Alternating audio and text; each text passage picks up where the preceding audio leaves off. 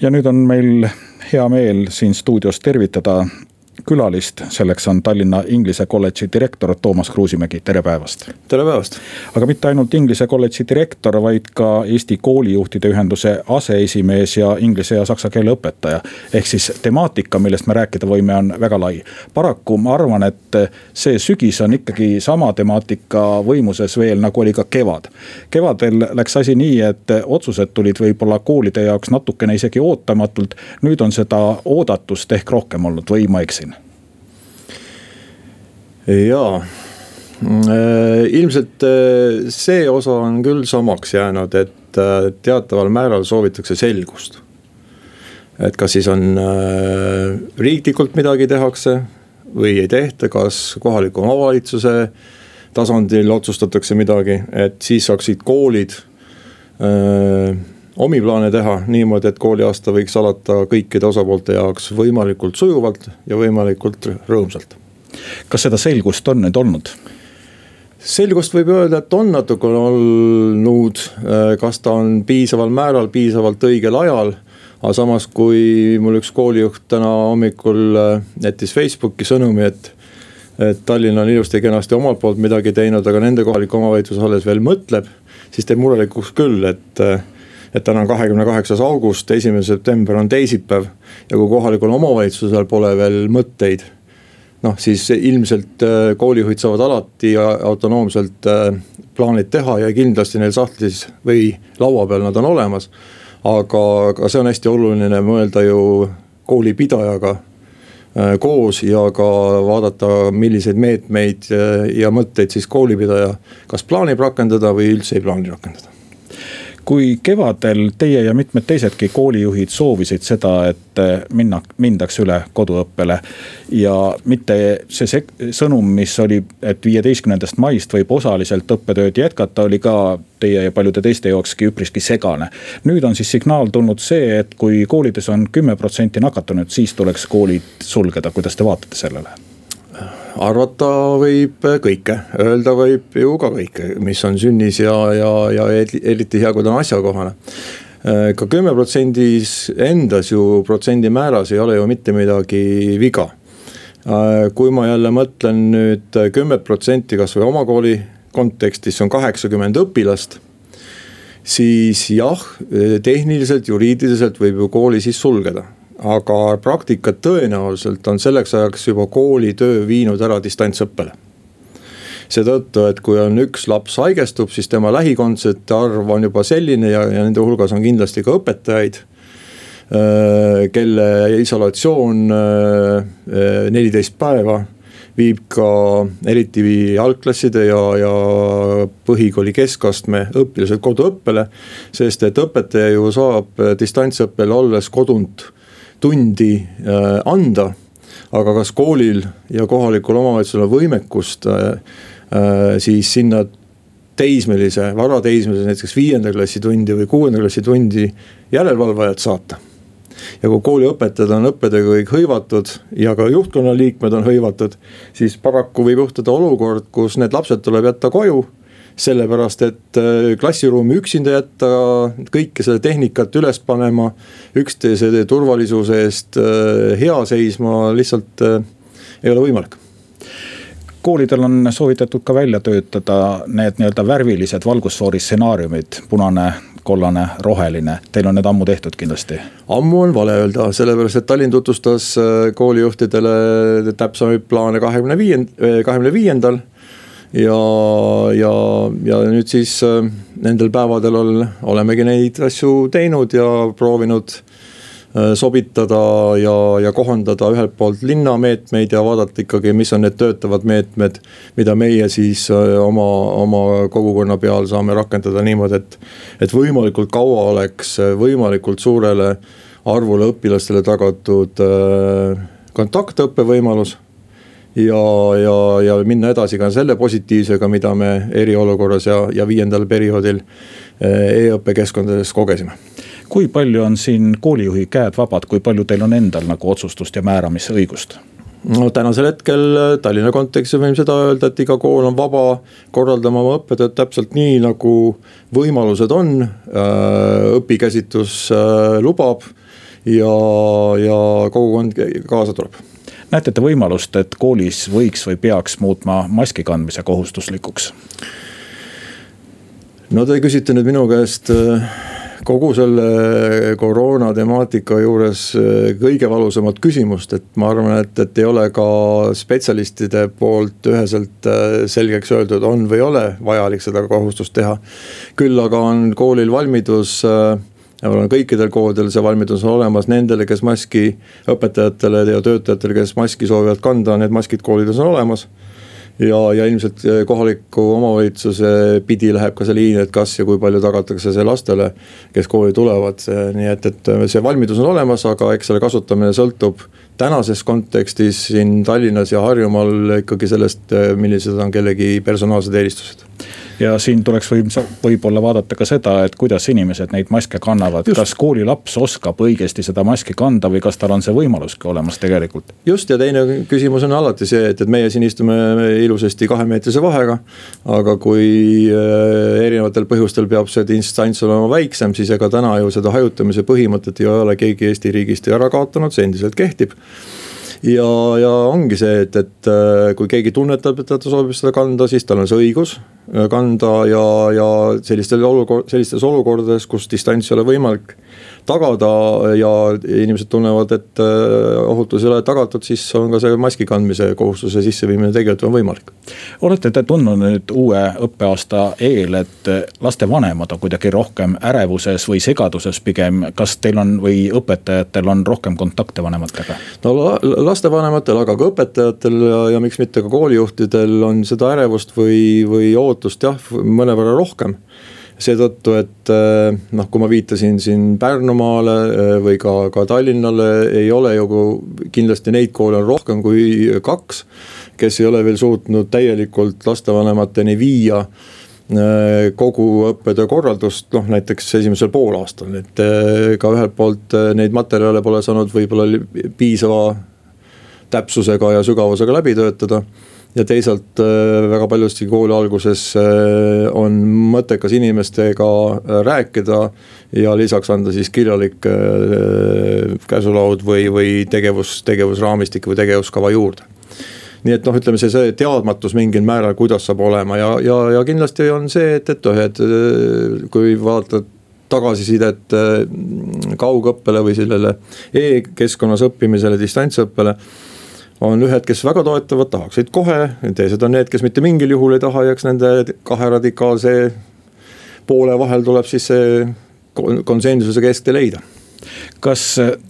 need variandid puudutavad ju seda ka, et need kollane, punane, roheline, millest me rääkisime. et võib-olla osad klassid lähevad ainult teatud perioodiks distantsõppele mm, -hmm. minu meelest ma lugesin, kas ei olnud mitte Põlva kool või, või üks Eesti koolidest teatas, et neil on niimoodi, et osad klassid jäävad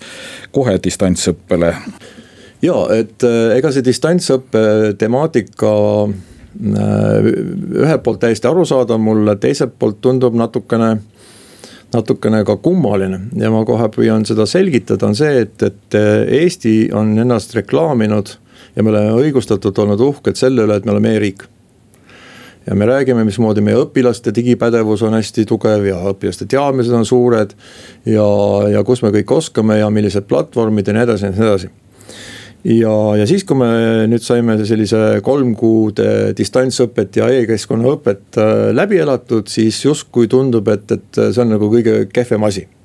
Et ilmselt on siin neid äh, põhjuseid äh, mitmeid, miks siis ühel või teisel sihtrühmal on tekkinud tekkinud arusaamatusi ja, ja eks ta läheb selliste oskuste, võimaluste, teadmiste, hoiakute ja. ja ka tihti ka läbirääkimiste temaatikas, et noh, tegelikult tänane kaasaegne või tänapäevane õpikäsitlus ju ongi ka osaliselt individuaalõpe, eks suurem individuaalsusega arvestamine on ka e-õppekeskkondades ehk ei peagi kooli tulema ja saab hoopis teistes keskkondades seda teha. täiesti normaalne, et see on see koht, kus ma mõtlen, et, et, et mida me siis nagu tänases kaasaegses ühiskonnas eeldame ka kaasaegse õpikäsitluse kontekstis, et see ei saa ometigi olla äh, kolmkümmend õpilast klassis, üks õpetaja kaardikepiga tahvli ees, eks et noh, see on nagu see pool, aga ilmselt on siin äh, see lihtsalt see peale sunnitud ähm, e-õpe ühelt poolt äh, tõesti rakendus ähm, mitte parimal viisil, sest et ettevalmistust ei olnud. osades kohtades võib-olla ega taristu taha ja inimesed on erinevad, eks nad ka oma arengus ole erineval tasemele jõudnud. et nüüd, kui see on läbi elatud, on ju täiesti võimalik koolidel seda positiivselt üle kanda regulaarsesse õppe, õppetöösse. ja tekitada selline hübriidõpe, inglise keeles blended learning, et, et ongi midagi, mis on e-keskkonnas, midagi, mis on klassiruumis, ehk siis võib-olla peaks selle küsimuse püstitama sedaviisi, et miks tulla kooli klassiruumi kokku, et mis nad, mis on need õpitegevused mida siin on just mõistlik teha ja mis on midagi, mida võiks teha siis e-keskkonnas või, või mingis muus keskkonnas. vaatasin teie kooli ehk siis Inglise kolledži esimese septembri kava ja avastasin sealt, et üks esimese septembri klassijuhataja tund, sest teil kõik ei tule mitte koolimajja aktustele, vaid on ka klassijuhataja tunnid, aga üks toimub väljaspool koolimaja. jah et see vabadus oli ka, ka õpetajatel, et äh, ei pea planeerima seda klassijuhataja tundi koolimajja, füüsilisse keskkonda ja kuivõrd meil ei ole seda luksust, äh, et meil oleks kooli juures suured staadionid ja muud, aga ka Tallinnas äh, on parke. Tallinna ümbruses on kohti, on muuseumi territoorium, Vabaõhumuuseumgi, et õpetajad on, on vabad ka seda klassijuhataja tundi läbi viima värskes, värskes õhus keskkonnas võib-olla, mis on äh, soodsam äh, selliseks taas kooli tulemiseks, üksteisega kokkusaamiseks. ja kui klassikogukond seda heaks peab, siis kool kätt ette ei pane teil on osad klassid inglisekeelsed. ehk siis seal klassides on ka õpilasi, kes tulevad nende vanemad on teistest riikidest ja võib-olla ei olegi Eesti nende jaoks püsiv elukoht. kas oli ka seda märki kevadel, et mõned võib-olla lahkusid hoopis Eestist? No seda märki rohkem, kui, kui me juba teadsime ette, ei olnud. küll aga on äh, päringuid olnud suve jooksul päris palju, et äh, milline see situatsioon Eestis on. kas tasub äh, lastega tagasi tulla, mis ajal peaks tulema, kui pikk see isolatsiooniperiood on ja nii edasi ja nii edasi aga nagu juba eelmises saatetunnis sai kuulutatud, meil on ka telefon nüüd avatud, et kuulajad saavad küsimusi esitada ja meil on esimene küsija, tere tere, minul on selline küsimus, et ma lugesin ajakirjandusest, et äh, minister, haridusminister Repsi lapsi võetakse kooli haridusministeeriumi autoga. minu küsimus on, et kas teie teate, ma ootaks jah või ei vastust, et äh, ei pea palju selgitama, kas teie arvates on õige see, et minister Repsi lapsed saavad nagu selles osas erikohtlemise, et lihtsalt noh, tavaliselt korralikud inimesed noh, peavad ise oma lapsed kooli saama, aitäh ja no ma ei kommenteeri väite õigsust ega lükka seda ümber, aga ma isiklikult ei pea küll seda õigeks, et äh, see, kui selline asi toimub, et. Äh, et see võimalik oleks, et ma pigem loodan, et see on äh, kuulujutt kuus, kakskümmend üks, nelikümmend kuus, nelikümmend kuus on meie telefon, räägime täna kooli asjadest, kooli algusest ja kõigest, mis sellega seondub. ja meil on külaliseks Tallinna Inglise Kolledži direktor Toomas Kruusimägi kuidas oli teil vastuvõtukatsetega, esimese klassi vastuvõtukatsed sai enne koroonaviiruse perioodi ära tehtud, aga gümnaasiumikatsed jäid hilisemasse perioodi. olid need huvitundjad või kuidagi eelmiste aastatega võrreldes ka see tase teistsugune või, või huvi tundmise määr teistsugune? ja ette võib seda öelda, et äh, sellel aastal oli konkurss või huvitundjate määr oli suurem kui eelnevatel aastatel nii et see koroonaperiood mitte kuidagi ei vähendanud gümnaasiumi soovijate arvu. milline see tase äh, on siis noh, ega me näeme kõige paremini seda siis, kui õppetöö on alanud ja nende noorte inimestega saame vahetult äh, tööd tegema hakata. kuivõrd siis kirjalikud testid olid äh, e-keskkonnas, kodu, kodus nad neid tegid ja, ja intervjuud olid samamoodi videosilla vahendustel, nii et loodame, et me, et kõik olid ausad nii nagu meie eeldame, kes tahavad meie kooli tulla, on ausad, ka akadeemiliselt, et ei spikerda ja. ja kõrvalist abi ei kasuta ja kõik läheb päris hästi, nii et, et kui, aga kui seda tehti ja teadmisi ei ole, eks siis toimub ka järelõpe või väljakukkumisi. aga te ütlesite, et loodame, et oli kõik, nii et kindlust teil ei ole vot ega ei saa kindlust äh, sellist omada see, seetõttu, et äh, koduses kontekstis tehti äh, neid katseid. et see ei olnud järelevalve kontekst, ülesanded olid niimoodi üles ehitatud ajaliselt ja sisuliselt, et oleks võimalikult vähe võimalusi kasutada nii kõrval olevat sõpra või ka, ka telefoni või, või arvuti kaudu ühenduses olles kellegagi, nii et, et vaatame, mis tuleb kordan vahepeal meie telefoninumbrid kuus, kakskümmend üks, nelikümmend kuus, nelikümmend kuus. see on siis Kuku raadio telefon stuudios, kuhu kuulajad saavad helistada, et meie tänasele külalisele küsimusi esitada. ja läheme siit jutuga edasi. kooliaasta võib tulla hoopis teistsugune, aga koolides on õpitud õpetajaid erinevas vanuses, kas kõik on ühtemoodi valmis olnud seda digitaalõppele või koduõppele, distantsõppele üleminekut vastu võtma teie kooli näitel? no kindlasti see muutumise määr, mis inimeste sees on, on erinev, sest me ei ole mitte keegi, ei ole me ju ühesugused, meil kõigil on erinev, erinev see kogemus ja, ja arusaamine nii et äh, vastus on see, et, et kõik ei olnud ühel tasemel, ühekaugel, aga on ka ju õppijad äh, erinevatel kaugustel ja selles ei olegi midagi hullu. et äh, toimus siis kiire järelõpe, järeleaitamine ja minimaalsed oskused saavutati ja omandati, nüüd on tegevus lihtsalt, kes, kui palju siis selle peale ehitab uut teadmist ja, ja, ja toob seda igapäevategevustesse kaasa. milles on tekkinud puudujääk või anname vahepeal sõna siis jah helistajale, sest ta on liini peal praegu, palun, tere. tere, mul on sihuke küsimus, et mida äh, äh, saatekülaline arvab sellest, et viimasel ajal vist kehalises kasvatuses toimunud teatud reformid, et. et, et, et just on, see üldse muudetud ära liikumisõpetuseks ja, ja et kui ma ei eksi, siis mingit noh. otseselt mingite normide järgi enam hinnata ei tohi ja nii edasi ja sellega seotud küsimus, et arvestada selles, et asjatundjate sõnul noh, Eesti lapsed liiguvad järjest vähem. ülekaalulisus on, järjest suurem probleem, et kas siis äh, äkki näiteks kehalise kasvatuse tunde ei, tundide arvu ei peaks noh suurendama näiteks igapäevaseks, aitäh. ja aitäh, äh, nüüd äh, helistaja avas küll väga suure küsimuste ringi et see väide on õige, et kahjuks meie tublid ja teadjad, noored on jälle liikumise pingereas äh, uuringute kohaselt tagantpoolt neljandal kohal, et kõigest kuusteist protsenti meie noorõppuritest liigub minimaalselt äh, nii palju, kui vajalik oleks sellises vanuses ja, ja kas nüüd, et seda saab seostada kehalise kasvatuse õppekava või ainekava muudatustega, et ühe, ühelt poolt küll, et, et nendel inimestel on mure, et need noored inimesed, kes niivõrd vähe liiguvad, et isegi minimaalset äh, vajadust ei saa ära tehtud äh, saada liikuma, et see, et peamine mõte, nii nagu mina olen aru saanud, on see, et põhikooli lõpuks peaks kõikidel noortel äh, välja kujunema tahe, soov ja oskus oma füüsise eh, keha eest ja seeläbi ka vaimu eest hea seista et äh, siis piltlikult öeldes, kui ta soovib minna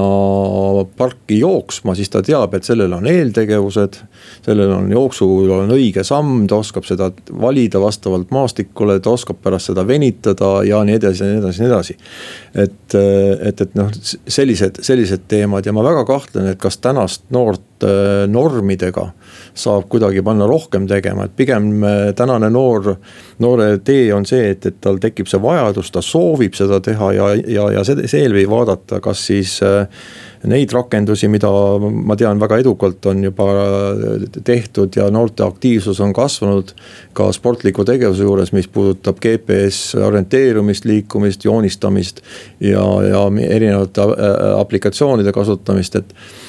et äh, kindlasti ma arvan, et selle liikumisainekava juures on oluline ka selle sisu selgitamine õpetajate koolitamine ja võimaluste loomine, et see saaks võimalikult hästi rakendada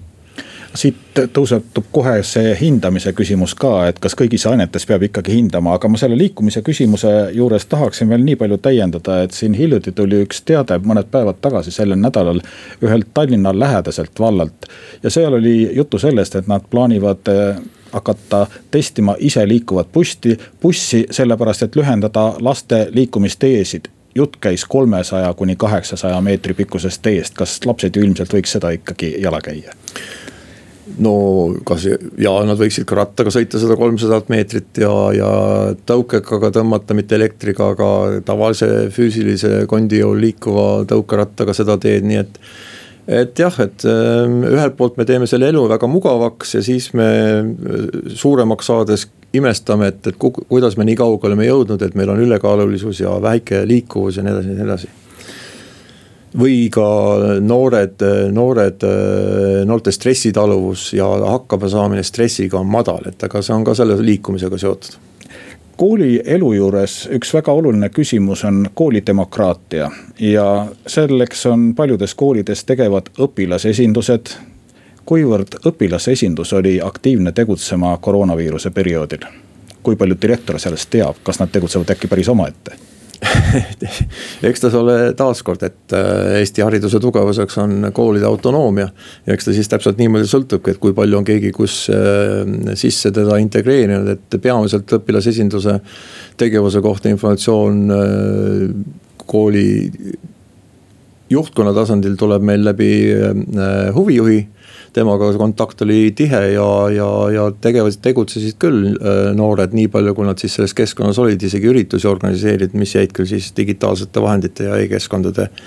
kanda, nii et, et aga eks ta sõltub ikkagi väga sellest kogukonnast, keskkonnast ja kuivõrd see siis on. ja kuivõrd on ka neid noori ise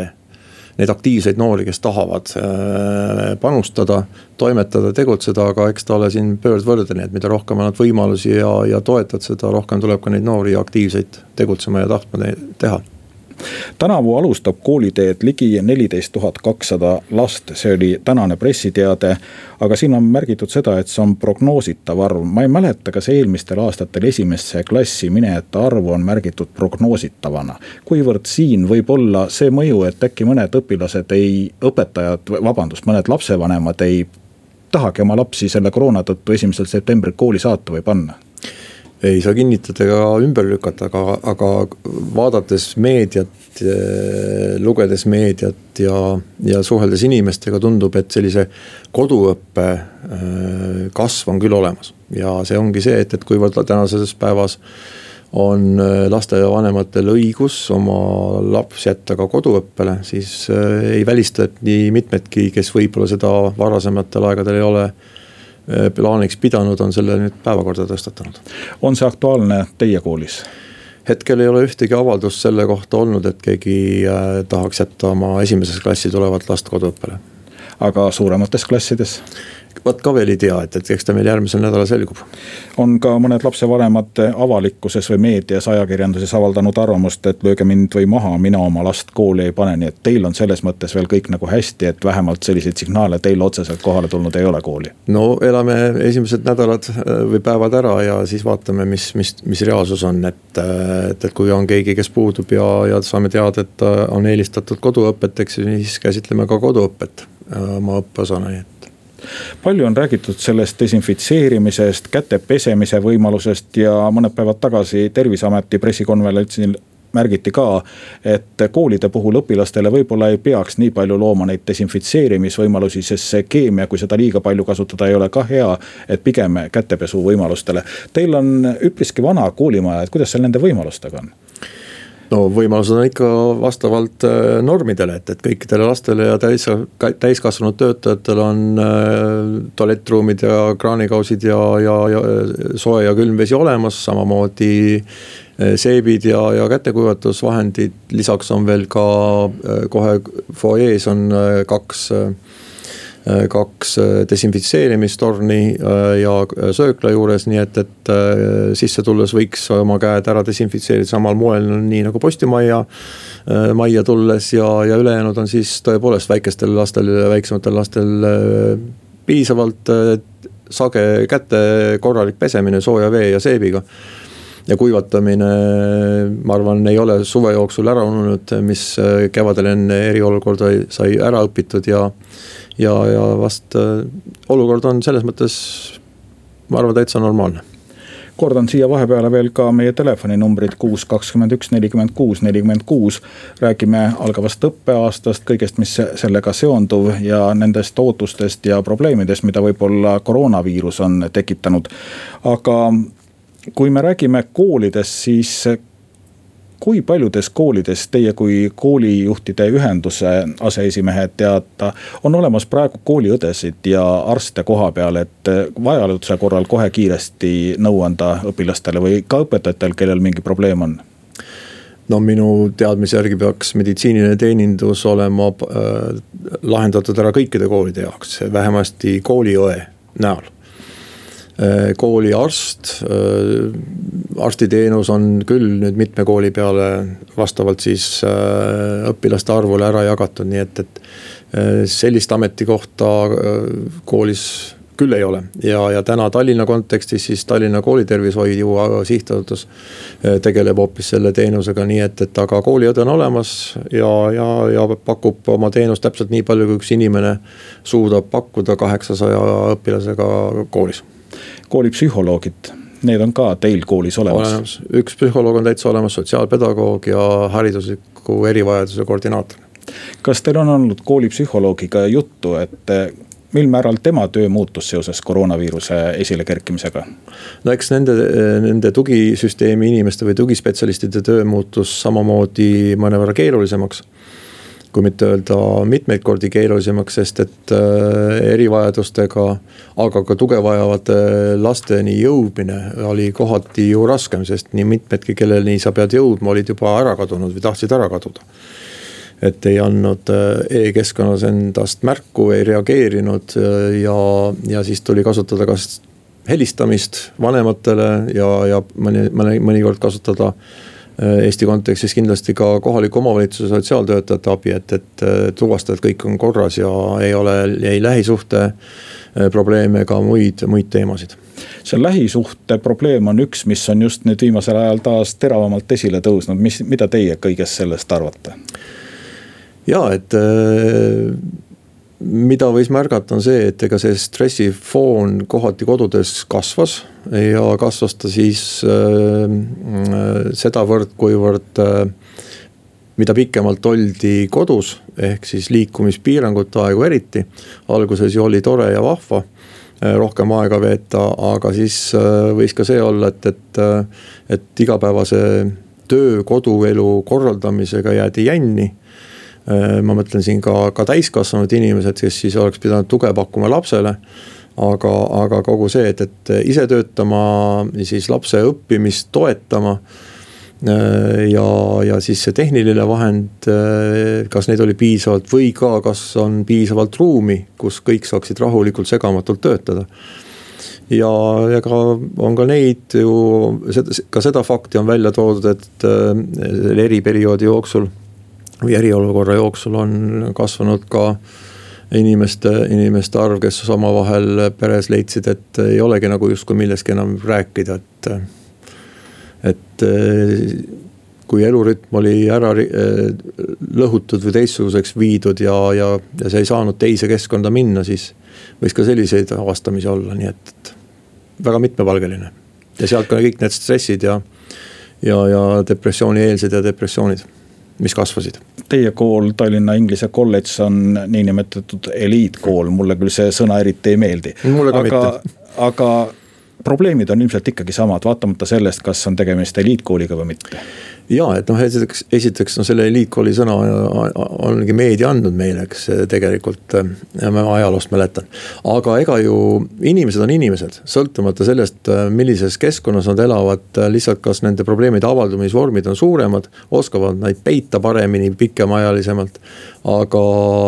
vahet seal ei ole tõepoolest, et kui on laps üksik, siis laps võib üksik olla väga mitmel põhjusel, kasvõi seetõttu, et, et vanemad äh, töötavad hommikust õhtuni ja on välismaal. ja lapsel ei ole seda tugipunkti kodus olemas või see, et lapsevanem ei, ei hooligi oma lapsest, noh tegelikult lapse jaoks on ta ikka üksinda ja, ja tunneb puudust sellest inimesest, kes, keda ta väga vajab. Teie kool, Tallinna Inglise Kolledž saab peagi kaheksakümne aastaseks. Te plaanite tähistada kooli sünnipäeva ka suure sügiskontserdiga Alexela kontserdimajas. loodetavasti see kontsert saab teoks, mingeid piiranguid selleks ajaks rohkem ei kehtestata. sinna saavad tulla nii lapsed kui lapsevanemad, nii vilistlased kui endised õpilased